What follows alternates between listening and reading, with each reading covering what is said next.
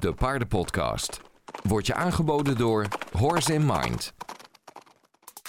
In deze aflevering onze wereld is gewoon vol prikkels, vol vreemde prikkels. En dan zie je toch wel dat die basis van onze gedomesticeerde paarden anders ligt dan een paard wat in zo'n familie is opgegroeid. En dat heeft Hm. ook weer effecten op hoe ze die prikkels aankunnen. Dit is de Paardenpodcast. De podcast over de verbetering van paardenwelzijn. Voor een wereld vol gezonde en gelukkige paarden. Welkom of welkom terug bij de Paardenpodcast. Vandaag is Manon Schenk te gast. Zij is trainer en ze is gespecialiseerd in jonge paarden.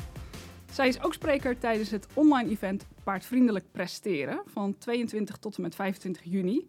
En dat event staat helemaal in het teken van paardvriendelijk en gezond trainen of wedstrijden rijden. Tijdens dit event zal Manon vertellen over prikkelverwerking bij jonge paarden. Als je nou meer wil weten over dit event, dan kan dat via de link in de beschrijving van de podcast. Daar vind je alle info en tickets natuurlijk. Vandaag gaan we het hebben over omgaan met spanning. Ja, welkom Manon. Ja, Vertel eens, wat, wat doe je en wat voor paarden en eigenaren help je hiermee? ja nou superleuk dat ik eh, dit mag doen.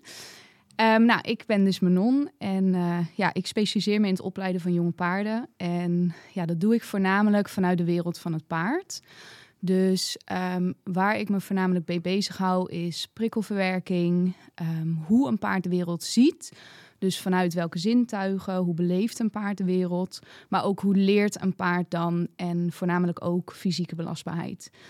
En ik zat te denken van ja, weet je, oké, podcast bij Rianne, superleuk. Weet je, wat ga je nou vertellen?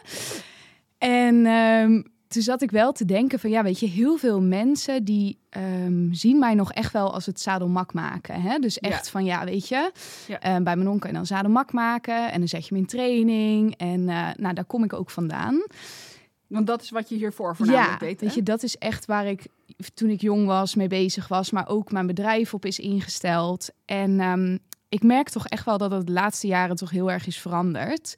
Naar dat het veel meer bezig gaat over wat is er allemaal met een jong paard omheen. Waar kan een jong paard nou allemaal tegenaan lopen? En weet je, zadelmak maken, ja, dat is een onderdeel ervan. Maar het gaat over zoveel meer. En daar komt dus ook spanning naar voren. Ja. Ja, want als ik ga kijken naar bijvoorbeeld een leven van een jong paard, dan is dat best wel. Hè, wij, wij zeggen van ja, weet je, oké, we hebben hem dan vaak met jonge paarden op drie jaar. Ehm, en dan, dan denken we van nou, daar kunnen we dan nu mee aan de slag. En heel vaak ehm, zie je dan dat er na drie maanden, na een half jaar, toch wel wat problemen opkomen. M, Heel vaak wat betreft spanning. Nou, dat Ja. kun je dus ook zien later, op latere leeftijd. Ehm, en in mijn ervaring, want ik, ik leer op dit moment bij equine studies heel veel. En toen heb ik ook ja, ehm, kennis gemaakt met familiestructuren. En hoe zit dat dan in elkaar in een semi-wilde kudde? Ja. Hoe wordt een paard nou eh, mentaal belastbaar?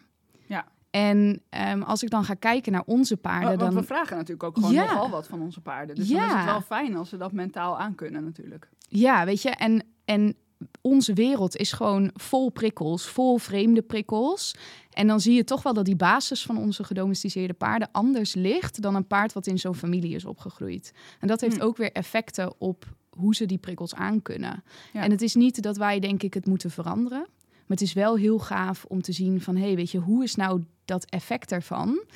Ehm, en dat is dus e- ja, dat is echt mijn specialisatie om te kijken van ja, weet je, hoe leeft een paard? Waar wordt hij geboren? Wat gebeurt er dan? En hoe kan hij nou ja, Ja. functioneren mentaal belastbaar, met fysiek belastbaar als bijvoorbeeld rijpaard, als Ja. maatje, als verbinding, connectie. Ja, in Dat. onze mensenwereld. Ja, in onze ja. wereld vol, eh, vol gekke dingen die wij allemaal eh, doen. Nou ja, precies. Eh, wa- want dat is het. We vragen van natuurlijk gewoon een, een, een prooidier om zich aan te passen en om met, om met mensen te werken, om bereden te worden, om op wedstrijd te gaan, om Ja, in een trailer te stappen, om allemaal dingen te doen, in, een- in, een, in een kudde te leven die niet familie is, Ja. die ze niet zelf gekozen hebben, Ja. waar ze ook niet van weg kunnen. Ja. Eh, dus we vragen inderdaad nogal wat van onze paarden. ja. En bij heel veel van deze dingen komt inderdaad spanning kijken. Ja. Dus eh, nou ja, jij bent dan natuurlijk gespecialiseerd in jonge paarden. In Ja. deze aflevering hebben we het nou ja, een beetje zowel over de spanning bij jonge paarden als op Ja. latere leeftijd. En wat kun je daar nou eigenlijk mee doen of hoe kun je het voorkomen of oplossen en zo. Ehm, maar ja, hoe, hoe ben je erbij gekomen? Want je bent eerst, heb je dus jonge paarden zadelmak gemaakt. Ja. Was het dan dat je, dat je toen zo vaak tegen spanning aanliep bij paarden, dat je je er verder in bent gaan verdiepen? Of hoe is dat gegaan? Ja, het is. ehm, ja, weet je, ik, ik heb best wel veel sportpaarden zadelbak gemaakt. Ik kom ook echt uit de sportwereld. Ik ben heel traditioneel opgevoed. Ehm, echt eh, gewoon helemaal eh, into de Ja. normale wereld. Heb je zelf maar. ook wedstrijden gereden? Ja, ja Ik heb ook wedstrijden gereden. En ehm, wat ik merkte, want ik begon met zadelmak maken toen ik 15 was, 16 zoiets, in echt de sportwereld. En ik merkte gewoon heel erg dat ik dacht bij mezelf van oké, ehm, ja leuk, weet je, dit is wat ik wil. Ik, ik voelde echt van ik wil met jonge paarden werken, alleen eh, kan dat niet anders. Want wat ik merkte is, als ik dus een paard pakte, dan ging de bijzetter al aan in de stal, weet je wel, mee naar de bak. En het eerste wat ik deed was rennen. Ja. Er was geen verbinding, er was geen connectie, er was niet het gevoel dat ik iets aan het doen was met het paard. Maar meer, ik gebruikte het paard gewoon om iets te doen wat mijn werk was. Ja. En toen dacht ik wel van ja, weet je, dat, dat wil ik anders. Nou, dat kon toen nog- niet in mijn werk, ehm, maar wel al met mijn eigen paarden. Dus toen ben ik echt met mijn eigen paard, dat was Furelise, ben ik echt gestart van ja, weet je, wat kan ik eigenlijk allemaal, wat niet zo is wat ik nu doe. Ja. Dus echt de horsemanship wereld. ehm, Daarbij het gaan ontdekken, zeg ja, maar. gewoon echt alles aanraken wat ik aanraken kan. Van alle hoeken zien, kijken, gewoon open ogen doen en denken: oké, Ja. Wat is er allemaal Wat buiten dit? Ja. Ja. Ja. Ja, Dus dat is eigenlijk waar ik gestart ben. En ehm, ja, voor mij persoonlijk, de reis die ik heb gemaakt ligt heel erg aan de paarden die ik heb gehad. Mhm. Ehm, waardoor ik ook verder ben gaan kijken. Ja. Ehm, Want waren dat paarden met extreem gedrag bijvoorbeeld? Ja. Als het gaat, ik gok dan met betrekking tot spanning met name. Ja, want dat is eigenlijk het grootste waar ik, ja, weet je, Ja. ik hou me echt bezig met verbinding, met connectie, met het opleiden, maar ook met ja. ontspanning. Van hoe krijg ik nou zo'n paard ontspannen? En toen ik eh 19 was, heb ik een eigen paard gekocht. ehm, van mijn eigen geld. Was ik helemaal blij. Ik dacht, Ja. nou, eerst een paard kopen. En ik dacht, nou, weet je, dan eh, ga ik gewoon kijken of dat eh, met de wedstrijden nog lukt. Weet je wel? Dus ik wilde wel een, eh, een chic dressuurpaard. Ja. dus ik had, ik had een 2,5-jarige Jazzmeddy gekocht. Oh, goed idee. Ja, echt geweldig. Zij was Ja. echt, echt het einde voor mij. Ehm, maar ja, Eh, eh, zij was jouw einde? Of vond je, of vond je haar het einde? nee, ik vond haar echt, Ja. het, ik vond haar echt, ja, weet je, zij was voor mij echt eh, het, zeg maar. Ja, was ja, echt precies. het. En Ja. ik was helemaal verliefd, hals over kop natuurlijk erin gestapt, meteen knal Ja. gekocht. En eh, Maar flink wat spanning, gok ik. ja, weet zo'n je, merrie. Eh, Het ging eigenlijk al met de trailer dat ze daar haar griffelbeen op had gebroken vanwege Oeh, spanning. Weet je, dus ik dacht al toen ik thuis kwam, dacht ik, oké, weet je, dit is, je weet dit, hè? Je weet dat dit Mhm. paard spanning heeft, je moet gaan leren. Dus ik ben echt gaan zoeken ehm, naar van alles en nog wat. Ik ben nog meer breder gaan kijken met van allerlei methodes, met eh, spanning afvloeien via ja, objecten, alles. Ik heb alles geprobeerd bij haar. Mhm. En ja, weet je, dat werkte wel. Maar op een gegeven moment merkte ik bij haar dat... ehm, nou, ik had haar op een gegeven moment eh, dan gereden. En eh, ik merkte gewoon dat, ja, de spanning was er nog wel. Maar het was behapbaar hè, voor mij als mens. Ehm, alleen ik merkte gewoon echt dat zij in haar lijf niet lekker zat. Dus toen kwam ik eigenlijk bij het volgende stuk. Van ja, dan moet je toch wel gewoon met balans bezig gaan. Je is leuk mentaal, maar Ja. je moet nu de volgende stap maken. En toen heb ik ook weer eigenlijk hetzelfde gedaan. Ik ben echt een beetje zo van, ja, ik wil alles gewoon zien. Ik wil alles meemaken. En ik wil kijken waar ik dan goed bij voel. Om te kijken van, past dit nou Ja. bij mij en mijn paard? En ja, hielp ook wel. Maar op een gegeven moment probeerde ik, want dan weet ik nog heel goed... probeerde ik haar recht te stellen. En toen kwam ze omhoog. Hmm. En toen, eh, met de gelimiteerde kennis van toen, dacht ik, ja, weet je, wat ga je nou doen? Want ik was doodsbang, weet je. Dus is een Ja. jazz, ze had echt een achterhand van hier tot Tokio. Die stond gewoon echt rechtop. Ja. Ik denk, oké, eh, wat gebeurt me nou? Nou ja, dan ga je natuurlijk ook een reis aan van, ja, is het nou spanning? Is het nou, weet je, wat kan je dan Ja. doen? Nou, toch getraind. Ja, weet je, zij stijgeren hield op, Ja. maar het voelde nooit goed. En Ja. Toen ben ik eigenlijk doorgegaan naar equine studies in 2017. Toen is eigenlijk voor mij met dissecties eh, echt een hele wereld open gegaan van, ja, weet je, oké, dit is wel even wat anders dan gewoon alleen trainen. Ja. En zo ben ik eigenlijk gekomen bij waar ik nu ben. Ehm, ja, en waar ik nu ben, dat is gewoon echt, eh, eh, ja, mijn, mijn wens is echt om de stem van het paard gehoord te laten worden. En dat kan dan vanaf jonge leeftijd. Het kan ook op latere leeftijd. Weet je, ik heb ook iemand in de les die heeft een paard van 20. Gewoon nog om een stukje basis bij, weet je wel, een stukje van vertrouwen, een stukje van rust, een stukje van on- mentale ontspanning toe te bieden. Ja. Eh, maar ik zet dat normaal gesproken dus echt in voor, eh, voor mijn jonge paarden. Ja. En ja, dan vind ik het dus heel belangrijk dat we gaan kijken van oké, hoe ziet zo'n paard die wereld Ja. nou? Ja, Want ik heb altijd gewoon gekeken uit mensenogen. ja logisch. Ik dacht, ik wil dat hij ontspant. Ja. Dus hoe krijg ik dat dan voor elkaar? Ja. En eh, toen ik dus meer leerde over het lijf, dacht ik, oh, eh poe. Er zit Veel van wel- de spanning Ja. kan ook zeker eh, fysiek. ja, maar ook hebben. met bijvoorbeeld gewoon het hele zenuwstelsel. Dat dat overbelast kan raken, al op zulke jonge leeftijd, door bijvoorbeeld dingen die wij doen. En ehm, dat betekent niet dat we, het, dat we het helemaal niet moeten doen. Weet je, gedomesticeerd, we hebben paarden gedomesticeerd, dus wij moeten dingen voor ze bepalen. Maar het is wel heel interessant om te kijken, waar gaat zo'n paard nou in zijn leven doorheen? Hoe ziet hij nou zo'n wereld? En Ja. ja, als je je paard hebt van, oké, weet je, dit is mijn paard. En ehm, ja, hoe, waar, ben, waar ben jij al geweest voordat je bij mij kwam, weet je wel? Ja, dat je een beetje kan peilen van oké, Ja. wat zit er aan- in het systeem als het Ja, ware? Precies, ja. Waar moet ik misschien op letten? Waar kan er mogelijk iets misgegaan zijn? Ja. Wat is er al goed gegaan in zijn leven? En dan kun je een beetje de balans opmaken als het ware. Ja. Als het dan gaat om, eh, spanning. Ehm, stel dat je nou een top 3 moet geven van, van situaties, zeg maar, waarin je over het algemeen de meeste spanning tegenkomt. Ehm, wat, wat zou dat dan zijn? Poeh, ehm, ja, ik kan hem natuurlijk eigenlijk alleen echt vanuit mijn vakgebied zeggen. Dus Mhm. dat is echt ook wel met die jonge paarden weer. Ehm, maar waar ik het meeste spanningen mee, mee zie, is denk ik ehm, voornamelijk op het moment dat wij eh, iets willen doen met onze paarden. Dus dat we hem uit zijn, zijn leefomgeving halen, ehm, willen gaan trainen. Dus hè, als ik echt stapje voor stapje ga kijken, bouwt er eigenlijk al veel spanning op bij jonge paarden om überhaupt uit hun veilige cocoon te komen, zeg maar. Ja, dus eh, je bedoelt dan vanaf het moment dat ze, dat ze niet meer gewoon alleen maar in de opfok staan en vrijheid, blijheid, Ja, maar in training worden genomen. Als ja en dan voornamelijk dus dat ze van hun stal of van hun leefomgeving, waar ze ook staan, Paddock Paradise, Paddock, Weide, in die groep van paarden, dat ze Ja. dan eruit worden Een gehaald. veilige, bekende omgeving. Ja. Ja. en dan zie ik vaak al wel spanning ontstaan op het moment dat ze dus naar de bak gaan. Of Ja. in de bak zie ik ook al vaak spanning ontstaan. Ja. Maar de grootste spanning is toch wel op het moment dat je echt iets gaat eh, willen. Ja. Dus dat je echt gaat zeggen, ik wil nu dat je dit en dit en dit doet. Want er bouwt dus al spanning op bij een paard op het moment dat, hij, dat er iets gedaan wordt. En Ja. heel veel paarden kunnen dat heel goed aan.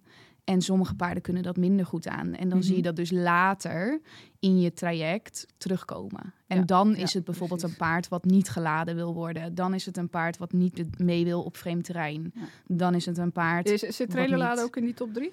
Ja, ik denk het wel. Ik denk op het moment dat jij een paard mee gaat nemen naar ander terrein, dan, dan is het echt belangrijk dat jij een team bent met je paard. En dat je een groepje vormt, jij en je paard, voor elkaar, met elkaar in deze wereld. Ja, en dan hebben we het nog niet eens over die enge trailer natuurlijk. Nee, Een hokje dan- wat dat is dan nog even erbuiten, zeg maar. Ja, Ja, weet ja. je, dus dat ook Het nog. is heel logisch natuurlijk dat er dan spanning bij komt kijken. Dus, eh, nou ja, goed, daar laatst Ja. ook een, eh, een podcast over opgenomen. Ja, er zijn heel En, veel eh, mensen heel goed in, in, in dat stuk. Maar ja, weet je, ik zie daar ook wel gewoon... En dus voornamelijk bij de paarden ook echt op ander terrein. Ehm, ja, en natuurlijk in het, in het beleerproces. Weet je, en wat, wat ik eigenlijk ehm, zo bijzonder vind van spanning... is het is een stukje eh, spanning en stress. Hè? Dus ik vind het een onderscheid tussen of een paard gespannen is... of dat hij echt gestrest is. Stress vind ik een reactie in het lijf met adrenaline. Met eh, dat er allerlei dingen, weet je, grote ogen, grote neusgaten. Paard wil alles zien. Paard ziet ook niet meer ons. Weet je, het is echt gewoon gestrest. Ja. Ehm, maar dat die spanning en die stress, die hebben toch ook wel heel veel effect op hoe goed een paard kan aanvoelen tot hoe ver zijn lijf kan. En dan Ja. zie ik dat, dat dat spanning dus ook weer effect heeft op hoe hij zich fysiek ontwikkelt en hoe blessurevrij een paard kan functioneren. Ja. Want ja, Ze adrenaline. gaan gewoon sneller over hun Ja. grenzen heen. Weet je, ja. En op het moment dat zij dus echt kunnen intern kunnen ontspannen, dus niet iets wat, ja, weet je, dat is dan mijn reis van, hé, hey, ik wil echt dat een paard eh, de wereld aan kan. Ja. Hè, dus dat is ook een stukje mentale belastbaarheid inschatten. Ja. Ehm, eh, en dus echt kijken van ja, waar sta jij op dit moment? Wat kun jij aan? Hoe vol is je emmertje eigenlijk in gewoon simpele taal? Ja. Ehm, en wat kan ik erbij doen om dat emmertje te legen? Misschien wel. Misschien Ja. kan ik wel wat toevoegen om te legen. Misschien ehm, kan ik je wel managen, zodat het emmertje in ieder geval zo blijft zoals die is. En misschien kan ik zelfs wel, eh, weet je, zorgen dat jij langzaamaan wat meer in je emmertje kan. Dat we de emmer wat groter maken. Dus dat is echt eh, heel belangrijk voor mij, dat dat vanuit die mentale belastbaarheid gaat. Vanuit een echte nulmeting van hoe is mijn paard nu. Want Ja. daar zie ik ook wel vaak ehm, een misstap gaan, zeg maar, op het moment dat we echt spanning willen aanpakken. Dat we te snel, denk ik, iets willen. Ja, Dus te snel. ook wel inderdaad. Ja, Ja, zeker. En, en juist dat, ja, en juist dat geeft gewoon ontzettend veel spanning. Als je over de grenzen gaat van, van je paard. Dat, Ja. dat is, weet je, dat, dat heb je als mens natuurlijk ook. Als je iets heel spannend vindt of zo. Ja, dan heeft het eigenlijk weinig zin om er gewoon doorheen te gaan. En dan hebben wij nog het geluk dat we het kunnen rationaliseren. dat ja. Maar voor het paard is het gewoon een, eh, nou ja, een halve bijna doodervaring soms. Ja, weet je, wij, weet je, ik vind dit ook hartstikke spannend. Weet je, wel. Ja, dan denk ik, oh ja. Rianne, echt superleuk, weet je, gezellig, helemaal enthousiast. Maar ja, ik kan het relativeren. Ik denk, oké, ademhaling, rustig, kom wel goed. Je gaat gewoon lekker praten over wat jij doet. En een paard, een paard leeft in het hier en nu. En Ja. het is gewoon echt een vluchtdier. En dat is niet iets wat wij zeg maar in het brein even met sleuteltje hier, sleuteltje daar veranderen. Weet je, dat blijft. En dat is denk ik ook iets wat wij als mensen toch wat minder realiseren. Want dat heb ik namelijk ook gewoon gedaan. Dat ik dacht, ja, dit kan gewoon helemaal veranderen. Terwijl Ja. je, je kunt ze helpen en je kunt ze begeleiden. Maar het is nog steeds een samenspel. En je werkt gewoon met een vluchtdier. En dan zie je toch dat, ehm, dat je soms misschien wat slimmer moet zijn. eh, en wat eh, meer naar het gehele plaatje moet gaan kijken. Van hoe kan ik nou dat emmertje leeg genoeg krijgen om ook goed te kunnen trainen. En wat kan ik dan doen in die training om dat emmertje ook laag te houden of niet te laten overstromen? Precies. Dan, ehm, ik denk dat het wel interessant is om te kijken naar twee situaties. Namelijk het, het voorkomen van spanning en hoe je daarmee omgaat. Maar ook het reageren op spanning als het zich plotseling voordoet. Je hebt natuurlijk wel momenten dat er eh, nou ja, onverwacht iets gebeurt. Dat het paard schrikt of wat dan ook. En dat je dan ook de tools wil hebben om daarmee om te gaan. Ehm, als er een paard bij jou bijvoorbeeld in training komt... of jij komt lesgeven op locatie... en diegene die wil werken aan, eh, nou ja, aan, de, aan de spanning van haar paard... Ehm, ja, hoe ga je te werk? Waar kijk je als eerste naar? Hoe, eh, ne- neem ons eens mee door zo'n Ja. traject even in sneltreinvaart. Ja, ik zal hem sneltreinvaart houden, ja. Ja, wat ik dus altijd doe, is ik doe echt altijd een nulmeting. Dus ik kom altijd, ook als ze bij mij in training staan, eerst naar diegene toe in zijn eigen omgeving. Ik wil het paard graag even zien. Ik wil weten wat voor de, de doelen zijn. Hè. Die zijn heel belangrijk. Wat wil deze persoon van dit paard? En dan ga ik eigenlijk kijken van, ja, weet je, kan in mijn beleving dat paard dat op dit moment aan? En wat heeft hij ervoor nodig om dat ook aan te kunnen? Ja. Ehm, zodat ik eigenlijk een goede kaart kan maken van de zwakke en de goede punten van een paard. Zodat we daar ook echt een traject op kunnen bouwen van ja, weet je, ik wil zorgvuldig te werk gaan. Juist omdat ik niet over die grenzen wil gaan, omdat ik dan het doel voorbij ga. Ja. Dus dat is echt de eerste stap. Dus dat is zowel mentaal kijken van wat kan dit paard nu aan... als wel fysiek kijken, Ja. hoe zit hij in zijn lijf... en Ja. is het realistisch om te verwachten... Om, wat, wat kunnen we überhaupt van hem verwachten? Ja, eigenlijk eh, precies dat. En ik zit nu nog dus in de opleiding met equine studies. En eh, ik leer daar gewoon onwijs veel van. En ik heb nu gewoon best wel een basispakketje om te gaan kijken van... hé, hey, wat, wat verwacht deze persoon? Hoe zie ik dit paard mentaal? Wat, wat is Ja. het mentale vermogen? Ehm, en wat is dan het fysieke vermogen? Ehm, en dan is het denk ik ook heel leuk, want wat ik heel graag wilde doen... is ehm, ik wilde gaan kijken van hoe kan ik nou een paard mentaal helpen... zonder hem fysiek te belasten. Ja, Ja, de, de, het meeste van onze training is gebaseerd op beweging natuurlijk. Ja, heel erg Ja. grondwerk, heel veel eh, bezig. Maar wat ik heb gemerkt is op het moment dat wij dat gaan doen, voordat een paard daar klaar voor is, komt er eigenlijk te veel adrenaline in het lijf. En dan merk je eigenlijk dat de verbinding weggaat en een paard keuzes maakt. Dus of afsluiten of eigenlijk eh, zichzelf spa- gespannen neerzetten. Ehm, en zeker als er dan nog natuurlijk misschien een compensatiepatroon is, dan mis je en dan wordt het vertroebeld. Ja. Want dan heb je een stukje mentaal, een stukje fysiek. Dan wordt het nog heel moeilijk om die spanning eruit te halen van wat vind je nou precies spannend. Waar, weet je, dat, dus dat is voor mij echt, die nulmeting is echt een, een must.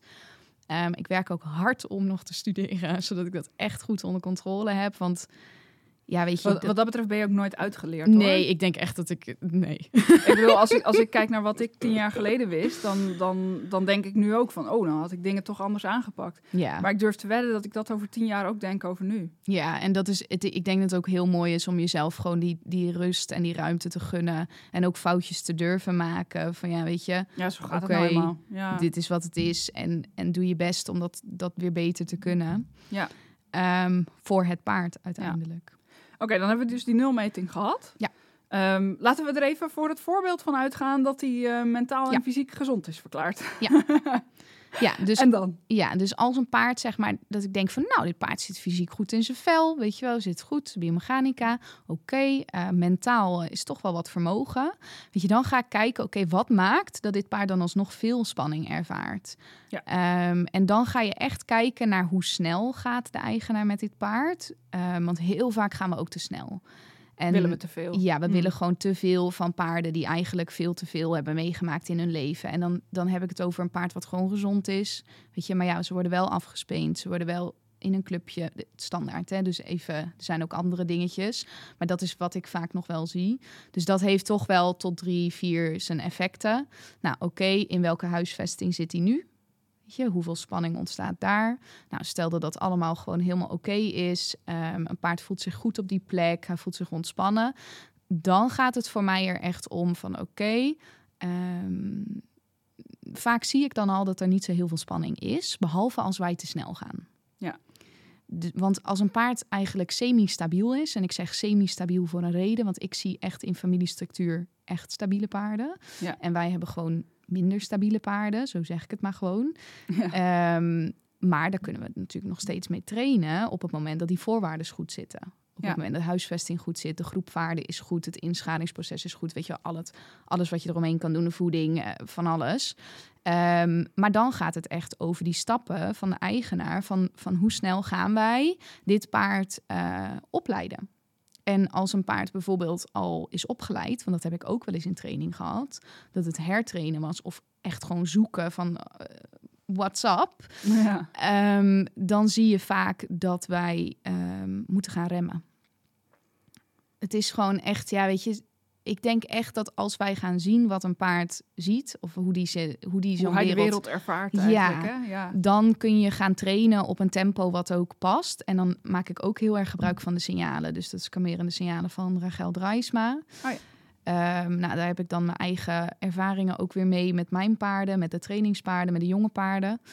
Ehm, en dat is eigenlijk waar we dan naar gaan kijken. Van ja, waar bouwt die spanning dan op? Wanneer zie ik dat hij meermaals gaat knipperen? Wanneer Ja. zie ik dat hij eh kalmerende signalen zoals kauwen, likken, dat soort dingen laat zien? Wanneer zie je het opbouwen? Mhm. En ehm, kijk, ik denk dat altijd een paard kan schrikken, ook als hij gewoon ontspannen is. Maar dan is het wel van belang dat hij zijn spanning ook weer kan afvloeien. Ja. Dat is belangrijk. En als een paard eh, semi-gezond is, kan dat gewoon redelijk goed. Als er rust wordt bewaard in de trainingen, een paard heeft jou als pionier, als gids, dan eh, kan een paard dat ook weer gewoon afvloeien en kan hij weer mee. Kun, kun je een paard leren om beter spanning te laten afvloeien? Ik denk het wel. Ik denk wel dus dat daar heel veel voorwaarden aan vastzitten. Want het is niet alleen training. Het is ook echt heel veel management. Hmm. Ehm, en dat, dat heb ik ook. Weet je, ik ben een trainer, hart en nieren. Dus ik zal altijd willen trainen. Maar ik weet ook dat ik bepaalde dingen gewoon niet te trainen kan op het moment dat het management niet in orde is. Ja. Als het management in orde is, dan, dan mag, ik, eh, mag ik even losgaan, zeg maar. Ja, dan ben jij de kers op de taart. Ja, weet je, ja, om, om zo'n paard ook buiten zijn management te vertellen van, hey, weet je, Ja, en in het contact met mensen natuurlijk. we gaan wat doen. Wil je dat? En hoe? En wat heb je daarvoor nodig? Ja. Dus ja, Ja, ja, ja. Ehm, dus dan, nou ja, oké, dan, dan heb je dus die nulmeting. Paard komt in training. Eh, ja, wat zijn nou ja, tools dus om je paard... te- Dan gaan we een beetje over ook op het topic van... Oké, stel dat er spanning is. Of stel Ja. dat je een wat ouder paard hebt. Of wat dan ook. Ehm, en, en, en er is spanning in de training. Wat zijn nou tools waarmee je je paard kan helpen om spanning af te vloeien? Ehm, ja wat, ehm, wat ik heel belangrijk vind, is dat we gaan hersenwerken met onze paarden. Dit is ook iets wat ik in mijn basis doe. Want op het moment dat een paard leert zoeken, kan een paard ook zoeken op het moment dat er spanning ontstaat. Ja. Dan kun je namelijk een, een ehm, ja, je koekjes of je snoepjes of je ruwvoermixje, whatever je wilt geven, wat past ook bij je paard, kun je namelijk even op de grond leggen of in een bakje om je paard te laten kalmeren. Je kan bijvoorbeeld ook kiezen op het moment dat jij buiten wandelt en je paard, je ziet hè, aan de signalen, want dat is eigenlijk heel belangrijk, dat je het voor bent. Ehm, dus je ziet bijvoorbeeld meerdere kalmerende signalen achter elkaar. Mijn paard gaat bijvoorbeeld eh, wat meer knipperen. Ik zie opeens wat meer rondere neusgaten. Hij gaat wat zuchten. Ik krijg briezen. En wat kauwen, likken. Ik zie het achter elkaar gebeuren. Ehm, hij wil zelfs eventjes stilstaan om misschien zichzelf te krabben via overspronggedrag. Weet je, Hmm, als ja. je dat ziet, dan kun je al ingrijpen als eigenaar. Dan kun je zeggen, oké, mijn paard kent hersenwerk. Hij kent het spel. Hij kent het stukje voeding zoeken. Ehm, ik breng hem even naar het gras in een wandeling. We gaan even, even wachten, even rustig. En dan zie je eerst dat een paard heel snel graast. En na een tijdje kan hij die prikkels weer verwerken. En dan kan hij zichzelf kalmeren door even te eten, door even rustig te zijn. En dan hoef je, in mijn beleving, als we dat goed doen, hoef je niet bang te zijn dat hij in het gras blijft hangen. Echt niet. Ja. Weet je, en als je niet het in het gras wil, dan kun je kiezen. Ik heb een ruwvoermixje bij, weinig suikers. Ja, ik leg het even. Of wat dan ook. Ja. Ja. ik leg het even tussen de blaadjes of op, het weg, op de weg. Ehm, en ik ga mijn paard heel even remmen. En even zeggen, hey, hoe gaat het met je? Even wachten. Heb je Even wat nodig van mij? Ehm, wil je misschien even je eigen ding doen? Ehm, zodat je weer de prikkels kan verwerken. Ja. Dus dat is Ja. eigenlijk één, één iets wat ik wel altijd adviseer. Ehm, het andere is dus ook dat op het moment dat er spanning ontstaat en je hebt een paard wat veel spanning heeft, dat je dit, dat dus ook vroegtijdig doet. Ja. Dus vroegtijdig remmen, kleinere stapjes maken, kortere trainingen. Dat je echt je paard vijf minuten, je loopt erheen, want de reis van de leefomgeving naar de bak is al een heel ding. In de bak eh, bouwt je paard spanning op. Je doet heel eventjes gewoon je werk, even hersenwerk, zodat een paard positieve ervaringen weer krijgt en weer terug. Ja, dus gewoon kort houden. Ja, ja, ja, want-. We willen vaak te veel, hè? ja. Dat we denken van, oh, nu gaat het wel weer. En, en als je dan toch doorgaat, dan zie je eigenlijk dat dat emmertje ja. gewoon kleiner wordt, zeg maar. Of, of sneller overloopt, op zijn minst. ja, je wil eigenlijk zo, Ja. zoveel remmen dat je paard zoiets heeft van, nou, eh, pff, kom maar door, weet je. Ik kan wel Gaan we weer. nog wel doen? Of hoe zit dat? Ja, want, op dat signaal wachten, zeg Ja, maar. Ja, precies. want dan weet je gewoon zeker dat je paard ook mee kan. Ja. Weet je, en Is, het- is het dan ook zo dat je na verloop van tijd ziet dat je paard steeds, als je het goed doet, steeds sneller weer zegt van, ah, kan wel weer. Ja, zeker. Ja. zeker. Op het moment dat Ja. het management in orde is, op het moment dat jij gewoon als eigenaar alles doet wat jouw paard gewoon echt nodig heeft, Ja. zo goed als dat je kan, hè? want dat wil ik wel even duidelijk maken. Het is per persoon altijd wat kun je doen, weet je? Oké, dit is je. Stel dat je een limiet hebt, wat kunnen je dan verwachten? Zo. Maar stel dat dat gewoon allemaal in orde is, dan ga je echt kijken van oké, ehm, eh, helpen. En dan zie ik echt paarden verbeteren. Ja. Ik zie echt dat de, het mentale vermogen steeds groter wordt. Dat er steeds meer connectie met de eigenaar is. Maar ook dat een paard gewoon paard kan zijn. Ja. Hè, dus gewoon kan bekijken in de omgeving, prikkels kan opnemen en de tijd en de ruimte van hun eigenaar krijgt om dat ook te verwerken en weer open gaan staan voor een vraag. Ja. En die vraag Precies. is een vraag, het is geen opdracht. En ja, dan er zit wel je, verschil tussen. ja, Meest- meest- meestal stellen we vragen die eigenlijk gewoon... dat is eigenlijk gewoon een vraag zonder dat je een, een, Er- nee mag zeggen. Dat is gewoon, Ja. ik wil een ja. het, is, het is een, een, een, enkel keuzevraag. ik, wil, ik wil een ja van Er jou. bestaat hier alleen A als antwoord. ja. ja, dat ja, is zo. dus is dat, zo. dat is wel Dus belangrijk. eigenlijk is het ook gewoon zaak om, als je dan dus in het begin even wat, wat meer geduld hebt, wat meer afremt, eh, wat meer nee laat zeggen, wat meer rust neemt tussendoor, Ja. Dan werpt dat eigenlijk zijn vruchten af later. En heb je dan dus de mogelijkheid om weer meer te gaan doen. Ja, simpelweg omdat je paarden beter aan kan. Ja. En ik weet ook dat het spannend is, hè? want ik heb het zelf ook moeten doen. Mezelf Nou ja, moeten het is remmen. voor, ik denk vooral dat, eh, dat wij als mensen ook eh, nou ja, gewoon een beetje overmoedig zijn. Ja, en het Gewoon is, denken, ah, dit, dit kan vast nog wel. En Ja. eigenlijk, dat geldt ook voor, het geldt voor trailerladen. Het geldt voor heel veel dingen. Maar dat het dan een beetje gaat op, op hoop van zegen.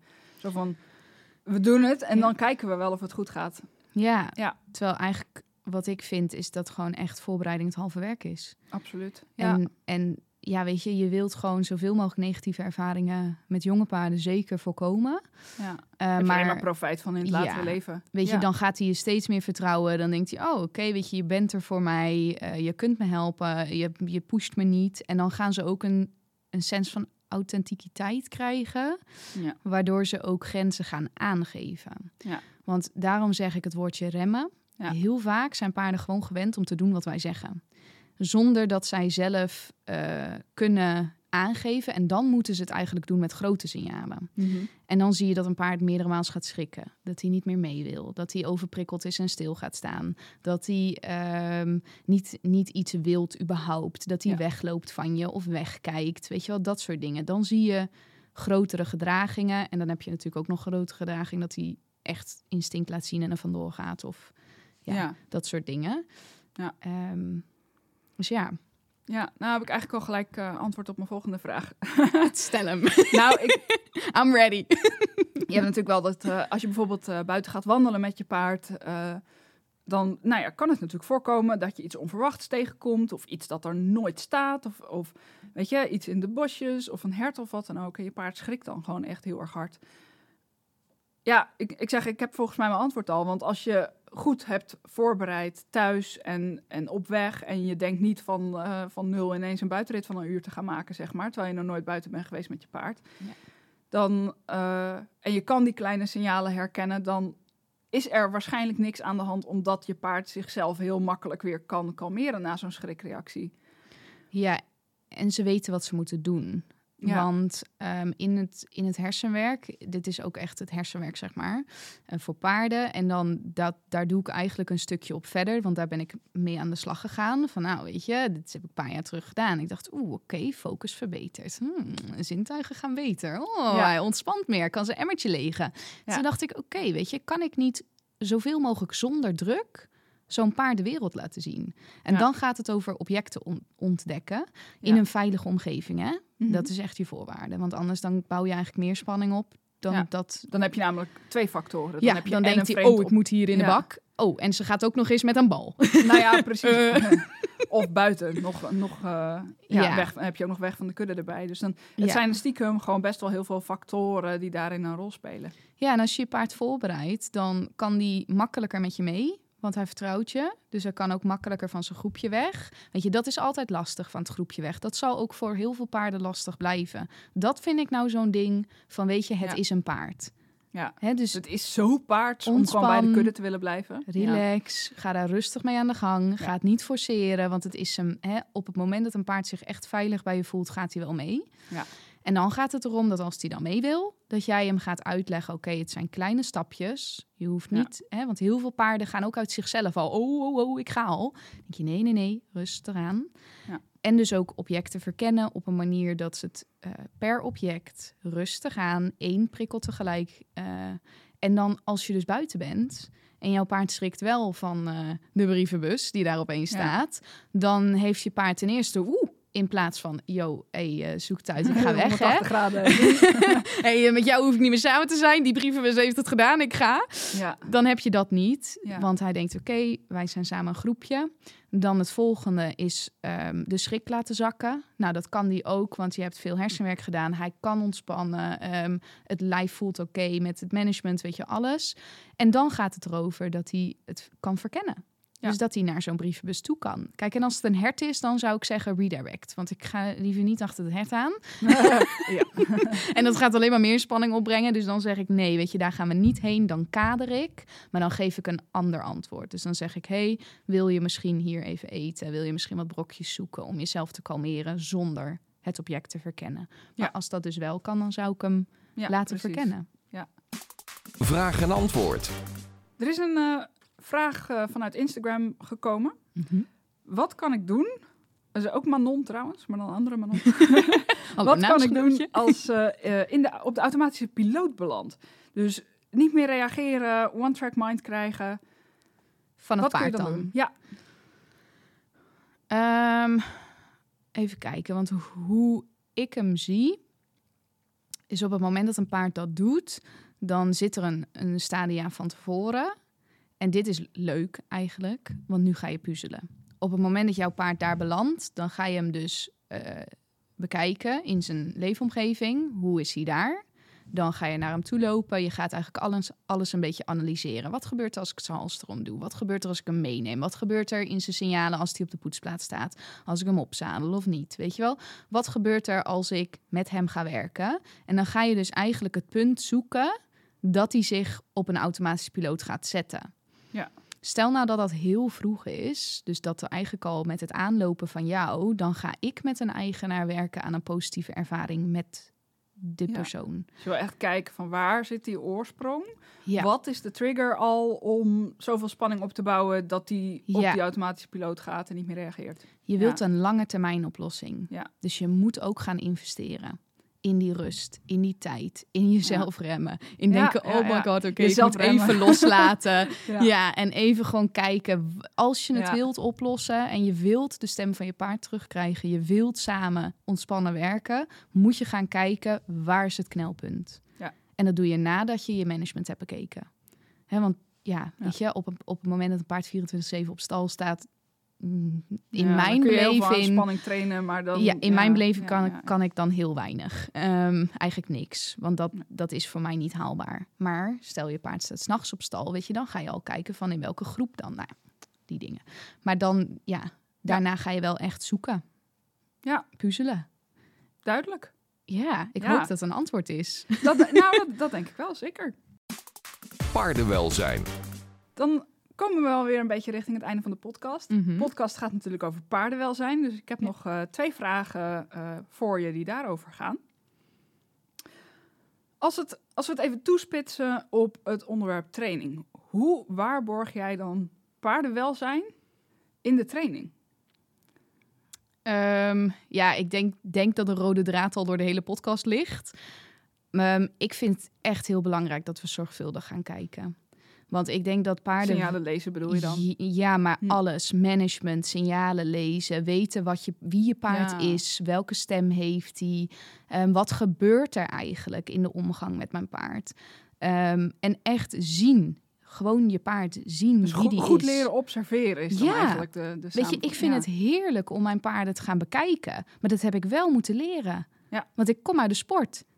Dus ik Ja. dacht, ja, hallo. eh, Gewoon doen. Hup. ja, Ja. maar dat moet je wel leren. En dan denk ik dat je daar ook de kracht ervan kan inzien. Dat je niet, oh ja, weet je, ik weet wie mijn paard is. En als je dan traint, zo doe ik het, dan kijk je, wat vind je wel oké? Waar bouw je spanning op? Waar niet? Weet je, wat gebeurt er met je? Wat laat jouw lijf zien? Weet je, dat is dan Ja. weer een ander onderwerp. Maar goed, spanning is ook weer geconnect met lijf. Weet Ja. je, wat gebeurt er? En Ja. ik denk echt dat, dat dat onze eerste stap is door onze paarden gewoon echt te gaan zien. Ja. Wie ben jij? Hoe voel je je? Wat is, is het wel oké wat ik vraag? Eigenlijk, ja, die vragen. Mooi antwoord. Tweede vraag. Als je dan kijkt naar de afgelopen vijf of tien jaar, is er dan een bepaald moment, een bepaalde herinnering die heel bijzonder, heel ontroerend of juist helemaal geweldig was, die jou te binnen schiet? Nou, heel eerlijk ehm, heb ik heel veel verlies meegemaakt de afgelopen jaren met mijn paarden. Dus het eerste moment wat nu in me opkomt is een paar dagen terug. Oh, dat is ja, heel recent. dat is Ja. echt heel recent. En dat ik met Teach bezig ben, dat is een van mijn paarden. En dat ik eh, hem voor de eerste keer echt zag tijdens een training. En dat ik de stapjes zo klein heb gemaakt dat hij eindelijk zei: Oké, dit kan ik wel. En dat Ja. ik echt dacht: Oh. En het is, ik heb er een foto van. Ik zal hem ook posten op social media. Want ik had een film getraind. En je ziet mij gewoon echt met de biggest smile ever. Ja. Dat paard. En hij staat gewoon stil. Ja. hij staat gewoon stil, maar hij is zo getraumatiseerd. Hij heeft zoveel spanning. Ehm, en ik heb echt heel lang gezocht naar, weet je, wat, wanneer is dan dat moment? Wat heb je nou nodig? Ja, en nu had ik het. En dan, dan denk ik al, weet je, hier, dit is waarom ik eh, dit paard heb, weet je. Dus dat is waar ik moet, aan moet denken. Ja. Ja, ik vind het hartstikke mooi en ook, ook bijzonder, want de podcast die er, nou ja, toevallig op het moment van opnemen vandaag is gepubliceerd, is met Laura Venema, ging over learned helplessness. Oh ja. En eh, zij gaf als antwoord dus een moment van drie weken geleden dat ze voor het eerst eh, haar paard op de rug kon aaien. Oh ja. In, in, in vrijheid en terwijl het paard in contact bleef. Die, was, Ja. nou, die had heel veel misbruik eh, en, en mishandeling gekend.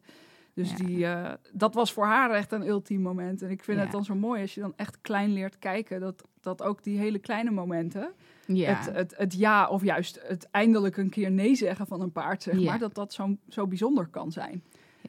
En dat dat eigenlijk gewoon super grote momenten zijn als je, Ja. als je je paard goed kent. ja echt. Ik voel dan echt, ik word dan al helemaal vol, ik krijg Helemaal kippenvel. ja. En dan denk ik, oh, weet je, dit is het gewoon. Want ja, je zit in een wereld met zoveel paarden die eigenlijk niet gehoord worden. En wat nou als hij wel gehoord wordt? En dan gaat hij ook praten. En dan denk Ja. ik, wow, oké. Hij laat eindelijk eens weten Oeh, wat hij- eh. ja. dit is een stem.